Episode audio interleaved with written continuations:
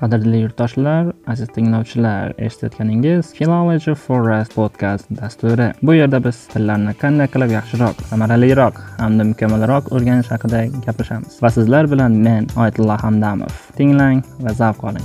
Assalomu alaykum qadrli tinglovchilar, eshitayotganingiz Philology Forest podkast dasturi. Bu bizning 3 epizodimiz bo'ladi va bugun sizlar bilan ingliz tilini o'rganish yo'llari haqida gaplashamiz. Hozirga kelib ingliz tilini o'rganishning turli yo'llari mavjud ular o'quv markazida o'rganish o'z holingizda o'rganish yoki bo'lmasam onlayn tarzda onlayn materiallardan foydalangan holatda o'rganishlar. Birinchi o'rinda kelinglar ma'lum va mashhur bo'lgan sinalgan uslub haqida ya'ni o'quv markazlariga borib dars olish orqali ingliz tilini o'rganish haqida gaplashamiz. Agar ilgari hech qanday tilni o'rganmagan bo'lsangiz yoki yangi o'rganmoqchi bo'lgan til haqida hech qanday ma'lumotga ega bo'lmasangiz u holda o'quv markazida tahsil olish eng yaxshi tanlov bo'lib xizmat qilishi mumkin. Ammo o'quv muassasalarida o'qishning ham o'ziga yarasha plyus hamda minus taraflari mavjud. Bular haqida esa keyinroq birinchi navbatda agar siz o'quv markazida tahsil olmoqchi bo'lsangiz qabul xodimlari bilim darajangizni tekshirib ko'rishadi. Ya'ni kim qay darajada bilimga ega ekanligingizni bilish maqsadida.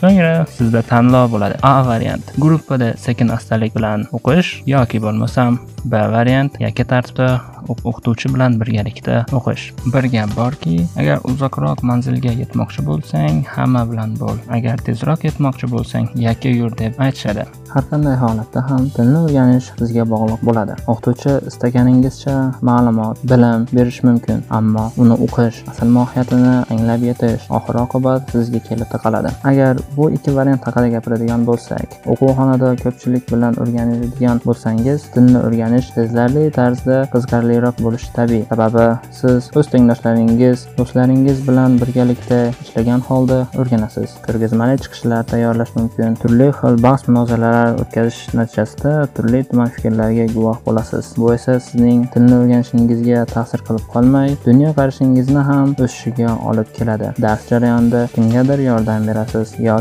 kimdandir yordam olishingiz mumkin. Bu esa ham yaxshi natijaga va o'z vaqtida yomon natijaga olib kelishi ham mumkin. Sababi tashqaridan kelayotgan yordamga moyil bo'lib qolishingiz ehtimoldan xoli emas. Masalaning ikkinchi tomoniga qaraydigan bo'lsak sinfxonada o'tilayotgan darslarda o'qituvchining asosiy vazifasi hamma o'quvchilarni birgalikda yetkazgan holda olib ketishdan iboratdir. Bu holda esa agar sheriklaringiz yaxshi o'zlashtira olmasa bu sizning natijalaringizga ta'sir etishi turgan gap ya'ni ular sizni o'sishingizdan orqaga tortayotgan bo'ladi. Yoki bo'lmasam aksincha bo'lishi mumkin. Agar siz yaxshi o'zlashtira olmasangiz darslarni u holda siz sheriklaringizga pand berayotgan bo'lishingiz mumkin. Yakka tartibdagi darslarga keladigan bo'lsak bu holda sizda yuqorida aytilgan muammolar bo'lishi mumkin emas. Til bo'yicha qo'yilgan maqsadingizga tezroq yetib olish imkoni bor. Aytmoqchi bo'lganim o'qituvchining asosiy vazifasi siz bilan shug'ullanishdan iborat bo'ladi. O'zlashtirishingizga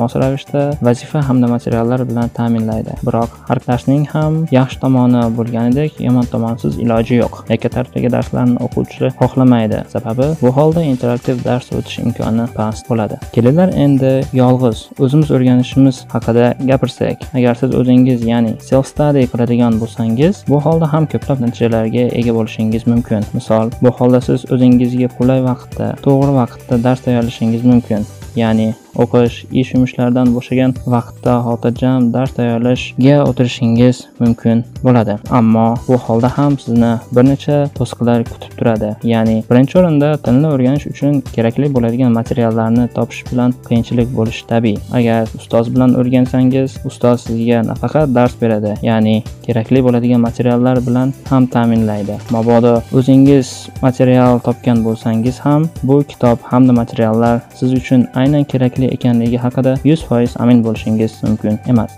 O'zingiz o'qishingizning ikkinchi qiyin tomoni siz o'zingiz tushungan holda mas'uliyatni sezgan holda qat'iy tartibga rioya qilishingizga to'g'ri keladi.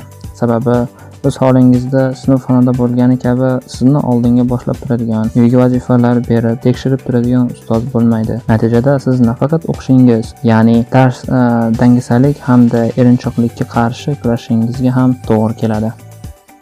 Tashqarida yigirma birinchi asr hukm suryapti. Onlayn tarzda ham o'qish mumkin ya'ni yozib olingan viza darsliklardan foydalanishingiz mumkin. Maxsus onlayn platformalardan foydalangan holda ustoz bilan birga bir onlayn o'qishingiz mumkin. Bu esa bizning uchinchi toifadagi tilni o'rganish turi bo'lib xizmat qiladi. Bu esa avvalgi aytilgan ikki turdagi tahsil olish yo'nalishining qorishmasidan iboratdir. Bunday tarzda o'qish yuqorida aytilgan bir necha kamchiliklarni qoplaydi hamda ko'proq qulaylik yaratib beradi.